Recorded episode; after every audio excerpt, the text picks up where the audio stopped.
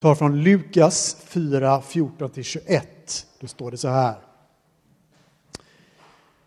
I andens kraft återvände Jesus till Galileen och ryktet om honom gick ut i hela området. Han undervisade i deras synagogor och fick lovord av alla. Så kom han till Nasaret där han hade vuxit upp. På sabbaten gick han som han brukade till synagogan. Han reste sig för att läsa ur skriften och man räckte honom profeten fann han stället där det står skrivet. Herrens ande är över mig, för han har smort mig till att förkunna glädjens budskap för de fattiga. Han har sänt mig att utropa frihet för de fångna och syn för de blinda och ge de förtryckta frihet och förkunna ett nådens år från Herren. Sedan rullade han ihop bokrullen, räckte den till tjänaren och satte sig. Alla i synagogan hade sina ögon fästa på honom. Då började han tala till dem. Idag har det här stället i skriften gått i uppfyllelse inför er som lyssnar. Så lyder Herrens ord. Gud, vi tackar dig.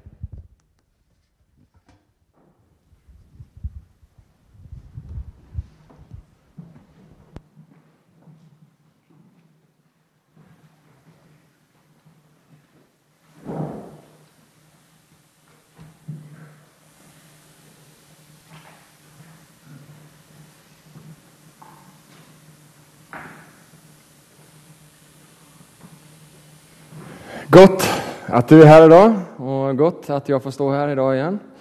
Det är ju en förmån att få stå här och eh, predika Guds ord. Eh, helt fantastiskt. Jag vill börja med att bara be en ytterligare en kort bön.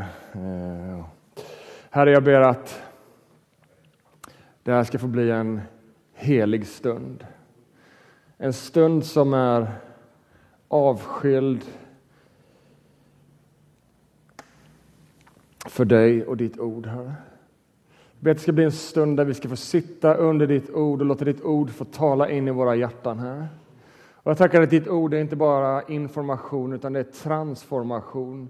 Det kommer in i våra hjärtan och förvandlar oss inifrån och ut till att bli mer lika dig och till att tjäna dig och leva för dig i den här världen. Här. Till att skapa liv och hopp. Ditt ord kommer in i våra hjärtan till att skapa läkedom, helande och upprättelse, Herre. Ditt ord kommer in och skapar ljus där mörker nu råder, Herre. Tackar att ditt ord skapar liv, Herre. Så jag ber att du ska hålla mig i din heliga Andes grepp så att jag får vara din tjänare idag och förkunna ditt ord, Herre. I Jesu namn. Amen. I vår eh, vision som församling, eh, ja det är faktiskt så att vi har en vision. Eh, och vi formulerade den grovt när vi startade Centro, som nu är ett och ett halvt år sedan. Eh, och vi håller just nu på att finslipa den, så det här är ingen snabb process. Utan vi håller just nu på att jobba med språket i visionen och vi hoppas att till hösten kunna presentera, vi har jobbat med ett helt visionsdokument eh, som vi hoppas kunna presentera snart. Men det är vår vision redan från början när vi eh, stod inför att att, att bli centro eh, som kyrka så är det en for, viktig formulering som har funnits med från början och som finns kvar när vi jobbar med vision fortfarande. Och det är formuleringen att vi vill vara en gemenskap som följer Jesus i vår stad. Så går du in på vår hemsida så är det en av de första sakerna du möter, det är den här formuleringen att vi vill vara en gemenskap som följer Jesus i vår stad.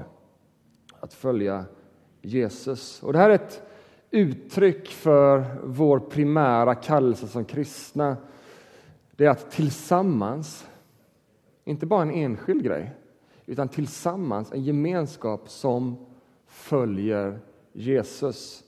Och vi bor i en stad, så vi vill följa Jesus i den här staden tillsammans.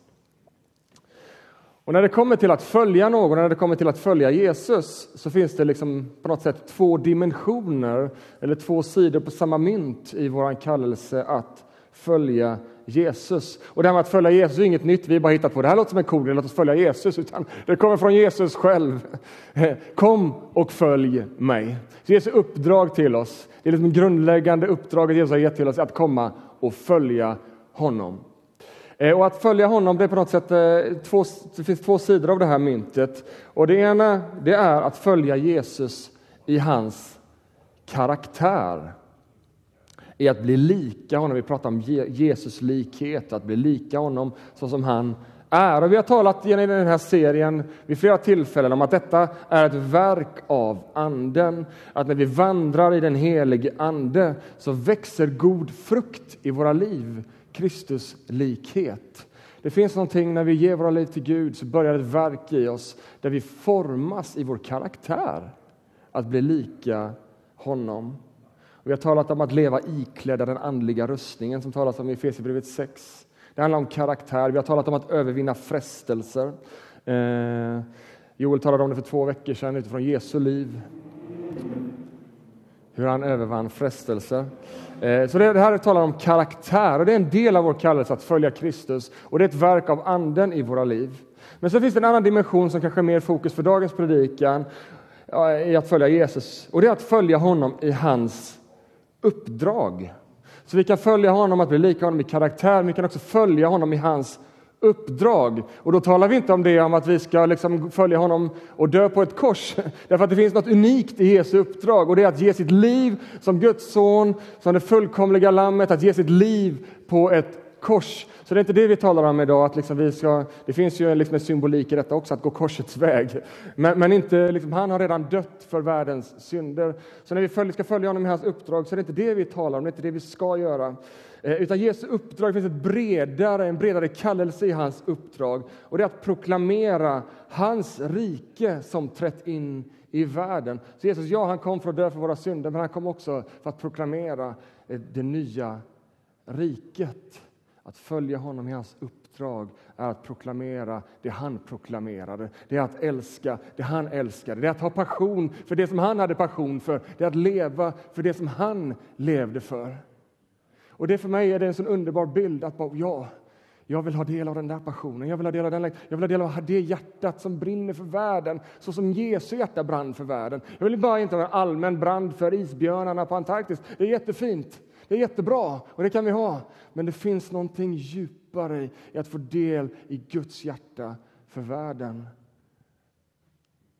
Att få förmedla det han förmedlade och att beröra människor med den kraft och den kärlek som han berörde människor med. Jesus, han var både Gud och människa. Och vi kan inte på något sätt jämföra oss med honom i hans fullkomlighet. Det vore en absurd tanke. Därför att Jesus var inte bara fullkomlig i sin gudomlighet, Jesus var också fullkomlig i sin mänsklighet. Den fullkomliga människan, den enda människan som har vandrat på den här jorden och som kommer vandra på den här jorden, som var helt utan brist. Fullkomlig i allt i varje tanke, i varje handling, i varje känsla, i allt den fullkomliga människan. Så lite att jämföra sig med honom är som att begå liksom någon form av personligt självmord i form av självförtroende och, och allt vad det handlar om. Därför att om vi jämför oss med hur Jesus levde sitt liv, då tappar vi modet. Men det finns någonting annat än att jämföra sig, därför att jämförelse är nästan alltid av ondo. Jämförelse gör nästan alltid att vi blir avundsjuka, eller nästan alltid att vi tappar modet. Men det finns någonting annat än att jämföra sig.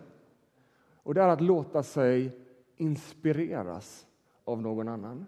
Så vad kan vi göra när vi ser på Jesu liv? Vi kan låta oss inspireras. Vi kan se på honom i hans fullkomlighet. Vi kan se på honom i hur han leder sitt liv och så bara wow. Heligande, forma någonting av detta i mitt liv. När vi ser på Jesu liv så ser vi en människa som i fullhet reflekterar Guds karaktär och fullkomlighet. Vi ser en människa som i fullhet förmedlar kärlek och han förmedlar frihet och läkedom till människor. Men vi ser också en människa som levde jordnära. Jesus levde ett jordnära liv. Han levde mitt ibland människor. Han var liksom inte en alien som bara gjorde små nedslag här och var. När han levde jordnära bland människor. Så enkelt så att man föraktade honom. Kan något gott komma från Nasaret, den hålan? Liksom, vad är det här? Han var en jordnära människa. Men han levde i renhet och i helighet. Han levde ett naturligt liv, men han levde också ett liv där det övernaturliga var naturligt mitt i det naturliga, mitt i det vanliga, så fanns det ett gudomligt tilltal. Mitt i det vanliga fanns det en beröring av himmelen. Du vet, vi ska inte bli några änglar som flyger omkring och håller på med någon form av... Liksom, vi är människor. Vi kallar att leva livet, att njuta av livet, att umgås, dela livet, leva nära människor. Men att mitt i detta vanliga, i det naturliga, att det finns ett tilltal som är övernaturligt, om ni förstår vad jag menar. Ett tilltal som är från himlen, en beröring som är från himlen, en helighet, någonting som är avskilt, någonting som är annorlunda.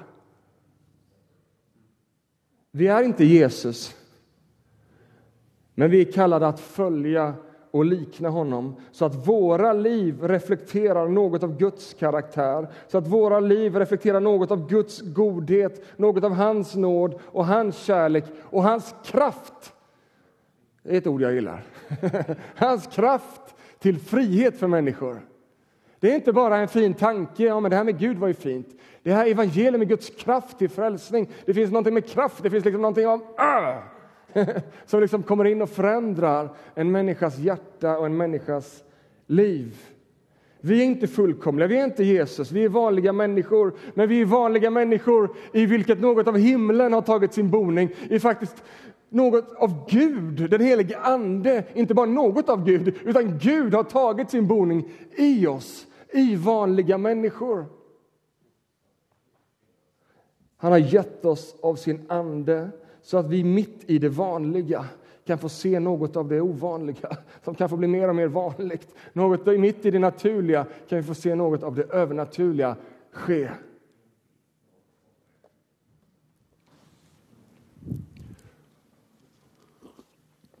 Och eh, för er som är väldigt observanta, jag tror ingen är så observant, men om ni är väldigt observanta så märkte vi att bibeltexten som vi läste idag tog vid precis där Joels bibeltext slutade för två veckor sedan.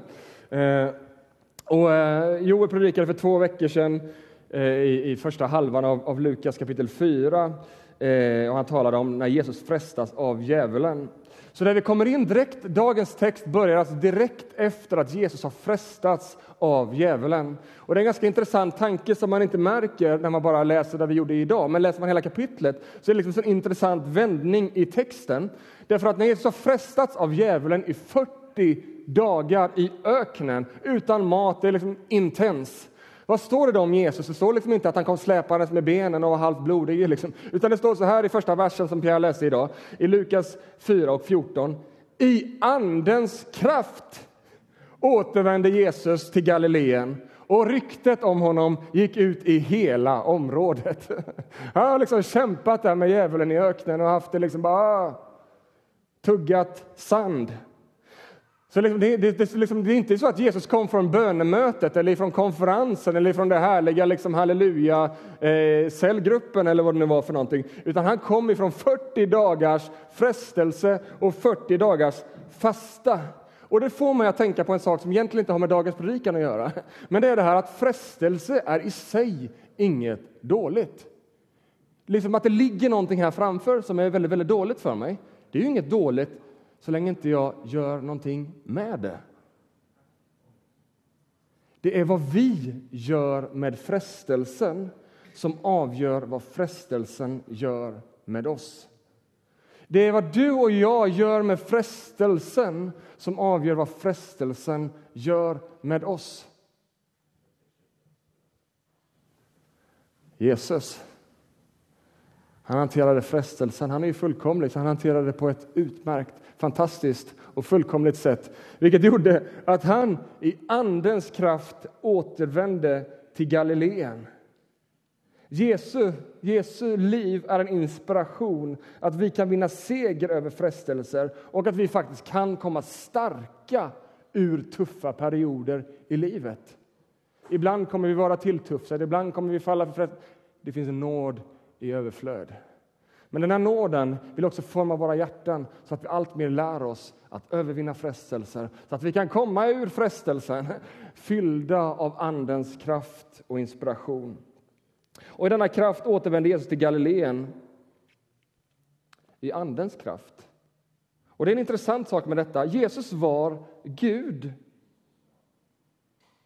Men han var också människa. Och det verkar som att han i sitt jordiska liv gjorde sig beroende av den helige Ande. Att Jesus levde på våra villkor. Han kunde sagt, här kommer Jesus i hög person. I Andens kraft kom han.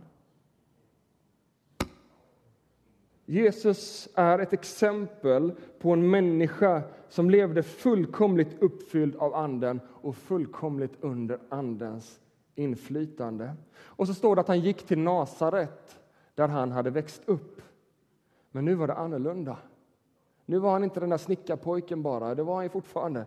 Men det var någonting som var annorlunda, därför att Jesus hade nu klivit in i sin offentliga tjänst. Jesus hade låtit döpa sig i floden Jordan av Johannes döparen. Han hade blivit beklädd med Anden, kom ner som en duva över honom. Och Fadern har bekräftat honom. Detta är min son i vilken jag har mitt behag. Och han är liksom nu bara inte bara snickaren, utan han är nu redo att kliva ut i, i, i sin tjänst eh, som han var kallad och sänd för. Och så står det att han går till sin synagoga och det är den här synagogan han har gått till hela sitt liv. Så han har varit där hela tiden, men nu är någonting annorlunda. Han bara går rätt in och så sätter han sig på den stolen som eh, vilken de sitter som läser texten. Och det var så i synagogan på den här tiden, tror man, att man följde en kyrkokalender, alltså att man läste texter på ett treårsschema. Så liksom eh, Så det fanns en stol, där satt man och läste man texter och de följde man ett visst schema. Och då hände det sig så fantastiskt, eh, speciellt just den här gången, att då ger man Jesus text, en textrulle från Jesaja. Så troligtvis var det ju total timing på det här, liksom att han fick just nu var det liksom dags för Jesaja. Och så rullar han upp den här rullen och så står det att han hittade ett skriftställe i Jesaja och så läser han och jag har ingen aning, det är ingen som vet om det var faktiskt just den här texten som skulle läsas, den här, liksom just de verserna som han valde i textrullen, som skulle läsas den här, den här dagen. Eller om han bara liksom freestylade och liksom, det spelar egentligen ingen roll. Eh, men det är ganska fascinerande, för att då rullar han upp den här textrullen och så läser han Herrens ande är över mig för han har smort mig till att förkunna glädjens budskap för de fattiga och han har sänt mig att utropa frihet för de fångna och syn för de blinda och att ge de förtryckta frihet och förkunna ett nådens år från Herren. Så rullar han upp textrullen och så ger han den tillbaka och så säger han idag har detta stället i skriften gått i uppfyllelse inför er som lyssnar. Jag tycker det här är vackert, fantastiskt, profetisk infrielse. det här, det skrevs 700 år tidigare, så profeterade Jesaja detta. Och den här profetian har liksom ingen infrielse tidigare i historien. Så den uttalades så var det inte så liksom att, att, att det fanns någon annan som den här pekade på, utan för judarna så har det här varit en messiansk profetia som har talat om han som skulle komma. Jesus var inte oklar kring sitt uppdrag. Jesus visste varför Fadern hade sänt honom. Hans uppdrag var bestämt av Gud Fadern långt innan. Och Jesus säger att det här som Jesaja har profeterat, det handlar om mig. Idag har detta gått i uppfyllelse inför er som lyssnar. Och Det är som att Jesus, när han träder ut i sin offentliga tjänst, så ger han temat, han ger programförklaringen för hans uppdrag och tjänst i världen. Herrens ande är över mig och han har smort mig, han har utvalt mig, han har utrustat mig, han har kallat mig. Och så kommer temat för hans tjänst, som är ett liv uppfyllt av den helige Ande, smord av den helige Ande, att förkunna glädjens budskap för de fattiga. Att utropa frihet för de fångna och att ge det förtryckta frihet och förkunna ett nådens år från Herren. Det här är Jesu uppdrag. Det här är temat som följer Jesu liv. Och låt oss titta lite på de här punkterna i hans programförklaring. När det börjar med att Jesus kom för att förkunna glädjens budskap för de fattiga. Att förkunna. I Lukas, som har skrivit både Apostlagärningarna och Lukas evangeliet, i Lukas språkbruk så är termen att förkunna synonymt med att predika evangelium, alltså glädjens budskap, att förkunna glädjens budskap. Så när, när, han talar om att han kommit för att förkunna glädjens budskap så är det för att han har kommit för att förkunna evangelium. Att han har kommit för att förkunna vad det betyder att Gud har blivit människa. Vad det, vad det betyder att han kommer att dö på ett kors för världens synder. Vad det betyder att, att Gud kliver in i världshistorien i ett evangelium. Det är de goda nyheterna. Vad innebär det att Jesus kom för att förkunna glädjens budskap för de fattiga. En del har tolkat det här som ett politiskt budskap. Att det här med den kristna tron det är främst liksom en så politisk rörelse i världen där vi liksom ska bekämpa fattigdom och utrota, ut, utrota orättvisor och så vidare. Allt det här är gott och finns i det bibliska budskapet. Men Jesus han var inte en politisk frihetskämpe. Jesus var världens frälsare. Ekonomisk fattigdom är något som Jesus adresserar och bryr sig om. Men Jesu kallelse är långt bredare och djupare än så.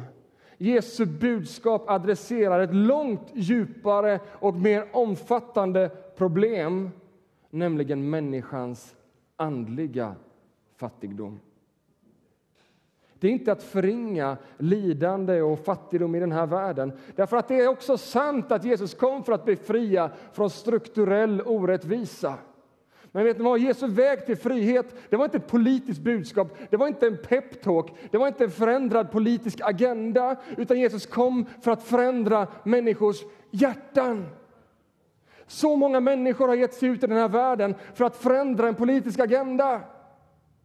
Men det som verkligen gör någonting av värde i den här världen, det är förändrade hjärtan.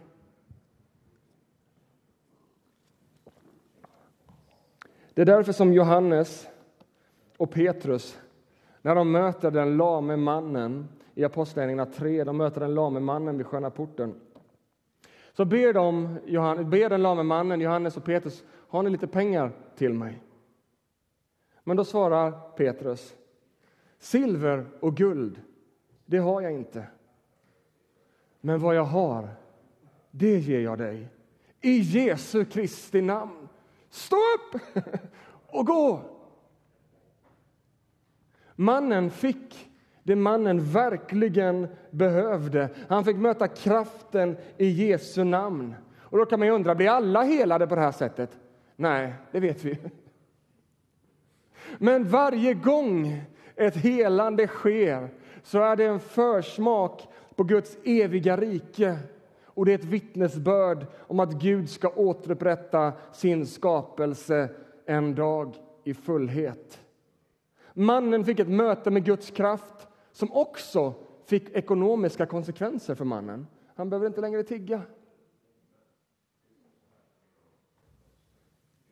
När evangelium predikas och tas emot så förändras ofta orättvisa strukturer i dess kölvatten.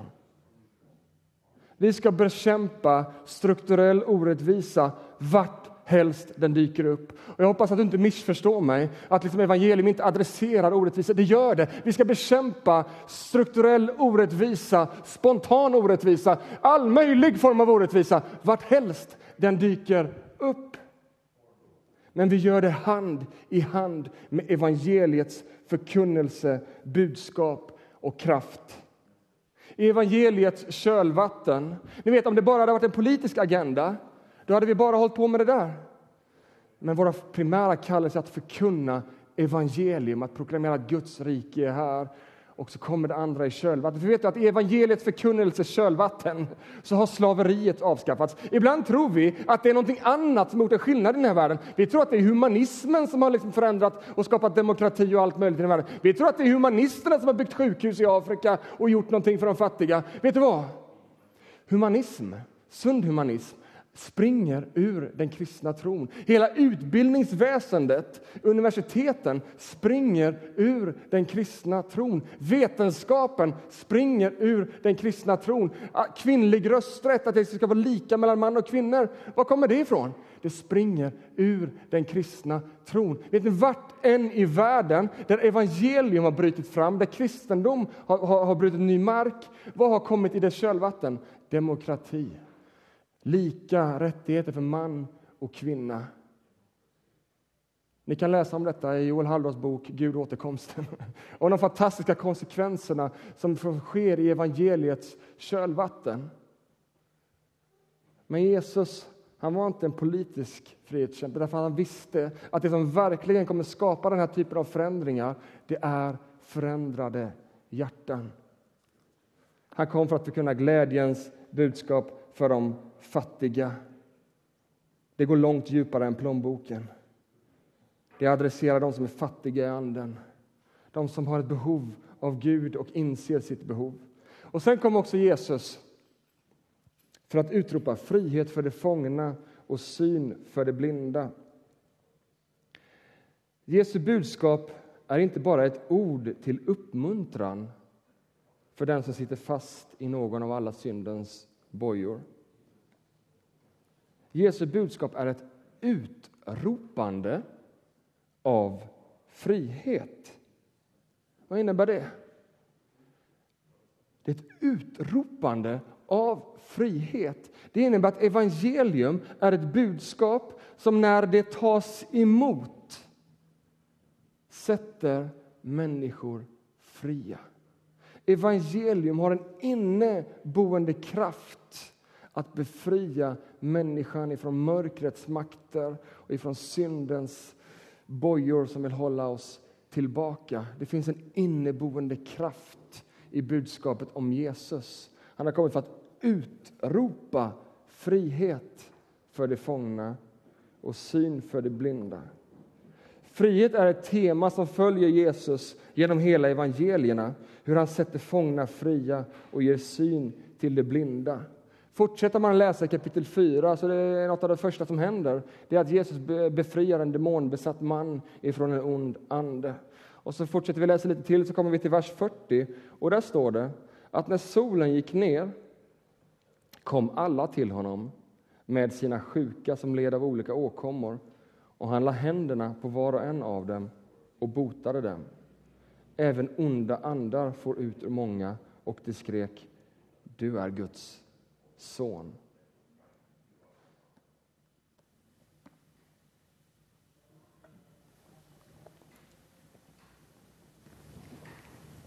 Jesus kom för att utropa frihet.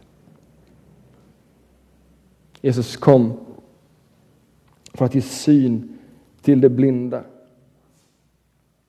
När Jesus helar någon så är det både ett uttryck av kärlek till den människan. Men det är också ett vittnesbörd till alla människor omkring om den djupare verkligheten. Om den Gud som inte bara kan hela våra kroppar utan som helar våra hjärtan och helar vår relation med Gud. Craig Keener, en fantastiskt fin teolog, underbar människa. Han har sagt så här. We're not in the kingdom yet to come where everyone gets healed. But in this time when anybody gets healed, it's a gift to everyone because it reminds us of the kingdom that will come. När vi ser något av Guds kraft manifesterat. Man kan ställa sig frågan varför ser vi inte mer hela, varför blir inte alla hela? Det finns så mycket svåra frågor att svara på.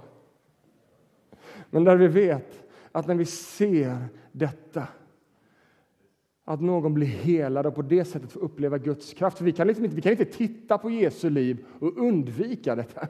Vi kan liksom inte titta på Jesu liv. Jag vet att det passar liksom inte riktigt in i vår modernistiska världsbild att vi botar sjuka. Det är ju jättekonstigt. Men vet du vad? Det verkar som att Gud inte riktigt bryr sig om vår modernistiska världsbild. Utan han gör vad han gör och gör vad han alltid har gjort. Och när han botar någon så är det en försmak på allt det som ska en dag bli vårt i fullhet. När han gör det så får vi bara glädjas i stort och bara se wow, vilken mäktig Gud vi har. Och tänk att det här pekar framåt på den dagen då alla ska bli helade. Då alla, dagar ska bli, då alla människor blir fria och alla människor som lever fast i strukturell orättvisa, alla människor som lever i fattigdom i den här världen, de ska bli rika och få del av fullheten av vem Gud är och aldrig mer hungra, aldrig mer svälta. Vet du, det är vårt hopp. Så när vi ser något av det himmelska bryta in, vi lever i tiden som är redan nu men ännu inte. Det finns så mycket av ofullkomlighet i denna tiden och det kan få oss att tappa tron. Men vet du vad? Vad Gud säger istället att se på det jag gör och se att det är en försmak. För den här tiden den är så kort jämfört med den evighet som ska bli vår. Då vi ska få se hur allt blir gott för alla. Då vi ska få se att den som är fattig ska bli rik. Hur den som är sist ska bli först. Den som är minst ska bli störst i det rika där Jesus Kristus är kung. Så allt, vet, de här små glimtarna av det gudomliga i vår tid, det bara pekar på fullkomligheten och vi bara jubla. Wow! Syn för de blinda, som är en del av Jesu uppdrag, det adresserar helande för några redan i denna tiden, för andra i det eviga riket. Men det adresserar också alla vi som har varit eller är andligt blinda. Att anden är över Jesus, så att när han talar så skingras molnen så att vi kan se Kristus. Den andliga blindheten lyfts bort så vi kan se sanning i evangelium. Och Jesus kom också för att ge förtryckta frihet och förkunna ett nådens år. Och Det här är väldigt mycket en repetition, eh, en förstärkning av det som redan är sagt. Att utropa frihet för de fångna, att ge de förtryckta frihet och förkunna ett nådens år. Det kan bara, liksom, vi kan bara eh, förstå att det här är något som är centralt i Jesu liv. Frihet är i centrum av Jesu försoningsverk och Jesu kallelse att sätta oss fria från syndens makt, att sätta oss fria från djävulen lögner, att sätta oss fria från allt ont som vill begränsa oss. Och sen säger han att jag också kommit för att förkunna ett nåd eller proklamera ett nådens år från Herren. Och nådens år det var en tradition i judendomen som inföll var sjunde år. Och Det var ett år då man inte tog några nya slavar. Det var förbjudet att ta några nya slavar. Och alla de slavar man hade, det var ett system som fanns. Alla de slavar man hade, de skulle bli erbjudna frihet. Jesus använde denna tradition som en förebild för, den, för det verkliga nådens år som Jesus kommer med. Där han sätter människor fria från syndens slaveri och från slaveribojor som binder oss. Och genom evangelierna så följer detta tema i Jesu liv och tjänst. Det här han ropade ut, det var inte bara tillfälligheter. Det var inte bara några vackra ord som det här passar ganska bra in på vem jag är och vad jag ska göra. Utan det här var liksom man ser hur det bara följer honom genom evangelierna, hela Jesu liv, hur han proklamerar frihet, hur han förkunnar glädjens budskap, alltså evangelium, och hur han botar de sjuka. Och han möter de svaga och de fattiga. Under och tecken och helande följer i Jesus spår. Och Det är en sån intressant händelse. och Det är Johannes döparen som var en förelöpare till Jesus. Han kom innan för att bana väg för Jesus, säger skriften. Så han, han var ungefär samtida med Jesus, men han, levde lite, han hade sin tjänst lite innan. Och Nu börjar han bli gammal och han, han liksom var inte helt säker på är den här liksom, eh, Jesus, är han den här Messias som skulle komma? Så han skickade iväg sin, några av sina lärjungar till Jesus för att ta reda på om han är den utlovade Messias. Och så står det då i Lukas kapitel 7, vers 20. Männen kom till Jesus och sa Johannes döparen har sänt oss till dig för att fråga är du den som skulle komma eller ska vi vänta på någon annan? En väldigt relevant fråga. Just då, står det, så botade Jesus många från sjukdomar, plågor och onda andar och gav många blinda synen igen. Han svarade dem, gå och berätta för Johannes vad ni ser och hör. Blinda ser, lama går, spetälska blir rena, döva hör, döda uppstår och fattiga får höra glädjens budskap. Du vet, Jesus uppfyller så många profetier. Han kunde liksom dratt liksom en så här liksom ett försvarstal. Ja, men jag uppfyller den här och den här profetian. Kolla här och det här passar in. Kolla här. Han kunde gett liksom skarpa, knivskarpa teologiska argument för att han är den Messias som skulle komma. Men vad gör han? Han säger gå tillbaka till Johannes och säg vad ni ser, vad ni har sett och vad ni har hört. Jesu uppdrag består just i detta, vad ni har sett och vad ni har hört. Det finns en tvåfaldig liksom, dimension i Jesu tjänst. Det är att proklamera någonting, det är någonting som vi hör, evangelium. Men det är också någonting som vi kan se, hur Guds kraft träffar människor och upprättar människor och förvandlar människor. Så därför kan han säga, gå till Johannes och berätta vad ni har sett och vad ni har hört. Jag älskar det. tycker det är ljuvligt. Tänk om man kan säga, gå till de där människorna i centrum och berätta vad ni har sett och hört. Gud är på gång. Men något av detta finns i den kristna kallelsen. Paulus säger att Guds rike, i 1 Korinthierbrevet 4.20 att Guds rike består inte bara i ord utan i kraft. Sen vill jag återknyta till det här då, att vi vill vara en jordnära gemenskap som vill följa Jesus i vår stad. Det är en visionsformulering som är långt mer radikal och utmanande än vad man kanske tänker sig vid första anblick. Jag följer Jesus, det är fint, bra, yes, jag är med. Men att följa honom är långt mer radikalt och långt mer utmanande än vad man kanske tänker vid första anblick. Jag tror vi alla håller med om detta, att Jesus är unik.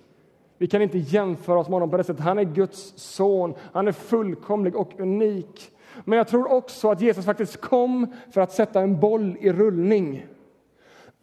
att något av det Jesu liv representerar också är något av din och min kallelse som kristna. Jesus kom för att starta en rörelse, en rörelse av jordnära människor. Inte av här galna människor, utan av jordnära människor. Jag tror det. Människor som lever nära andra människor, men som också lever nära Gud och som är fyllda av hans kärlek och som fortsätter att i hans kärlek och i hans kraft vara den rörelse som han kom för att påbörja. Därför att innan Kristi himmelsfärd, ni vet i torsdags var det Kristi himmelsfärd. Innan Jesus lämnar den här jorden så säger han så här, vi kan läsa Johannes 20, vers 19.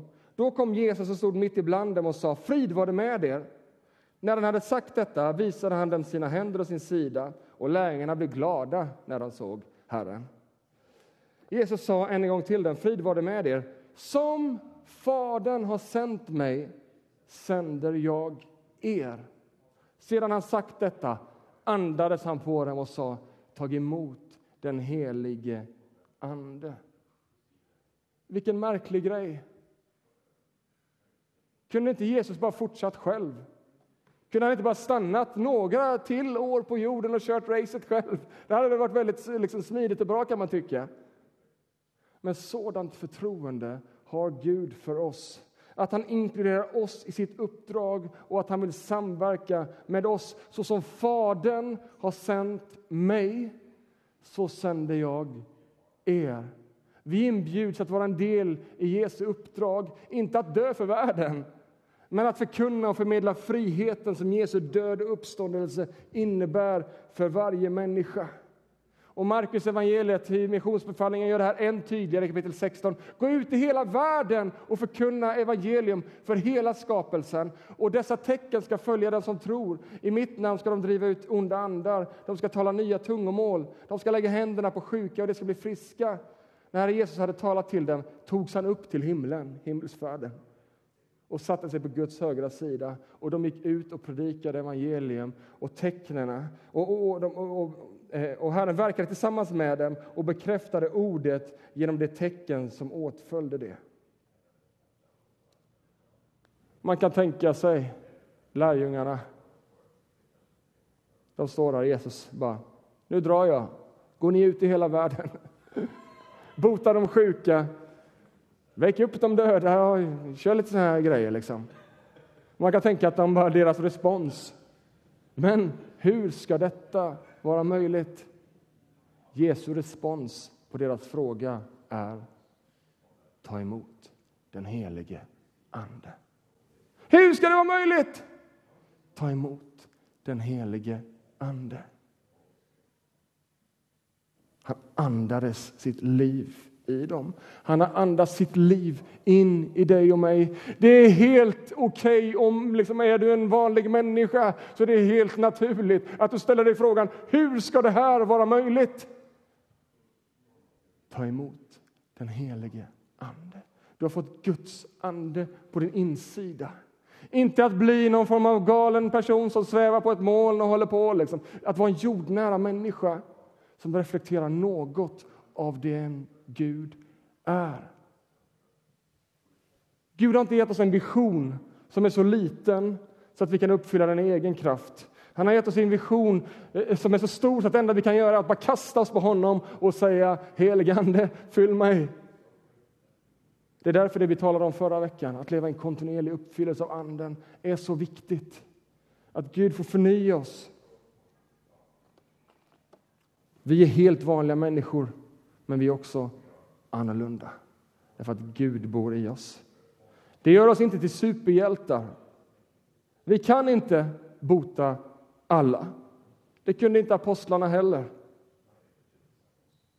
Men uppdraget finns där att i kärlek till världen ge det glada budskapet vidare och att erbjuda oss Lyssna nu. Hoppas ni hör min försök att vara ödmjuk. Jag skulle kunna stå här, för jag är lite sån i min personlighet. Bara gå ut nu och bota lite sjuka! Nej, jag gillar inte den tonen. Jag gillar inte den sidan av mig själv. Utan jag känner att det finns något i evangelium som är annorlunda. Att vi kanske bara får väcka en liten längtan. Tänk att jag kan få vara en liten del av Jesu uppdrag. Jag kan inte göra allt, jag kan inte bli en superhjälte, men jag kanske kan erbjuda mig att be för någon jag kanske i det hemliga kan börja be för någon. Jag kanske liksom får, får lite mod att vittna lite försiktigt för någon. Och så får vi ta steg framåt. Jag tror det är så som Gud vill jobba med oss. Jag vill inte att vi ska bli extremister som jagar mirakler och jagar liksom bara så här. Nej, jordnära är viktigt för mig. Jag tror att jordnära är viktigt för oss som kyrka, att vi är jordnära människor. Jag tror det är viktigt för oss i missionsbefallningen att leva autentiska liv bland människor. Men vi får inte bli så eh, mänskliga så att vi förlorar den övernaturliga dimensionen. Utan jag vill att vi ska vara enkla människor. Jag tror inte det är bara jag som vill, utan det är evangeliet som presenterar att vi ska vara enkla människor. Enkla människor som tror att han har lagt ner skatt i lerkärl. Enkla människor som i kärlek erbjuder oss att be för en värld som är bruten och brusten. Enkla människor som ger hopp vidare till människor. Enkla människor som visar kärlek till människor i ord, men också i handling. Som delar vårt vittnesbörd, men som också lägger våra händer på människor, berör människor. Visar kärlek till människor, men också ställer den enkla frågan, är det okej okay om jag ber för dig? Jag kan inte bota någon om den personen är frisk, men jag kan be för dig. Kanske kan Gud gripa in i ditt liv. Förstår ni? Att vi kan, bara kan få väcka en sån här naturlig tro på det övernaturliga och vi får leva det övernaturliga livet. Det gäller inte bara helande, det gäller människors alla utmaningar. Att vi faktiskt börjar inse att Gud bor på vår insida. Alltså vi har något mer än goda teorier att erbjuda. Vi har Guds kraft att komma med som förändrar människors liv. Det här är utmanande för dig. Jag tror det är lite utmanande för dig också. Men det är också spännande. Att ta små steg av tro och att se att Anden förmår att värma de kallaste hjärtan. Att se att Anden förmår att öppna de mest låsta dörrar och att vi vågar ta lite fler risker i tron och be för någon. Och vi kommer få se att from time to time så kommer ett under ske till helande. Och ganska ofta kommer också andra under ske som är än viktigare, att människor får bli frälsta, ta emot budskapet och få bli en del av detta uppdraget att ge det vidare till världen. Amen.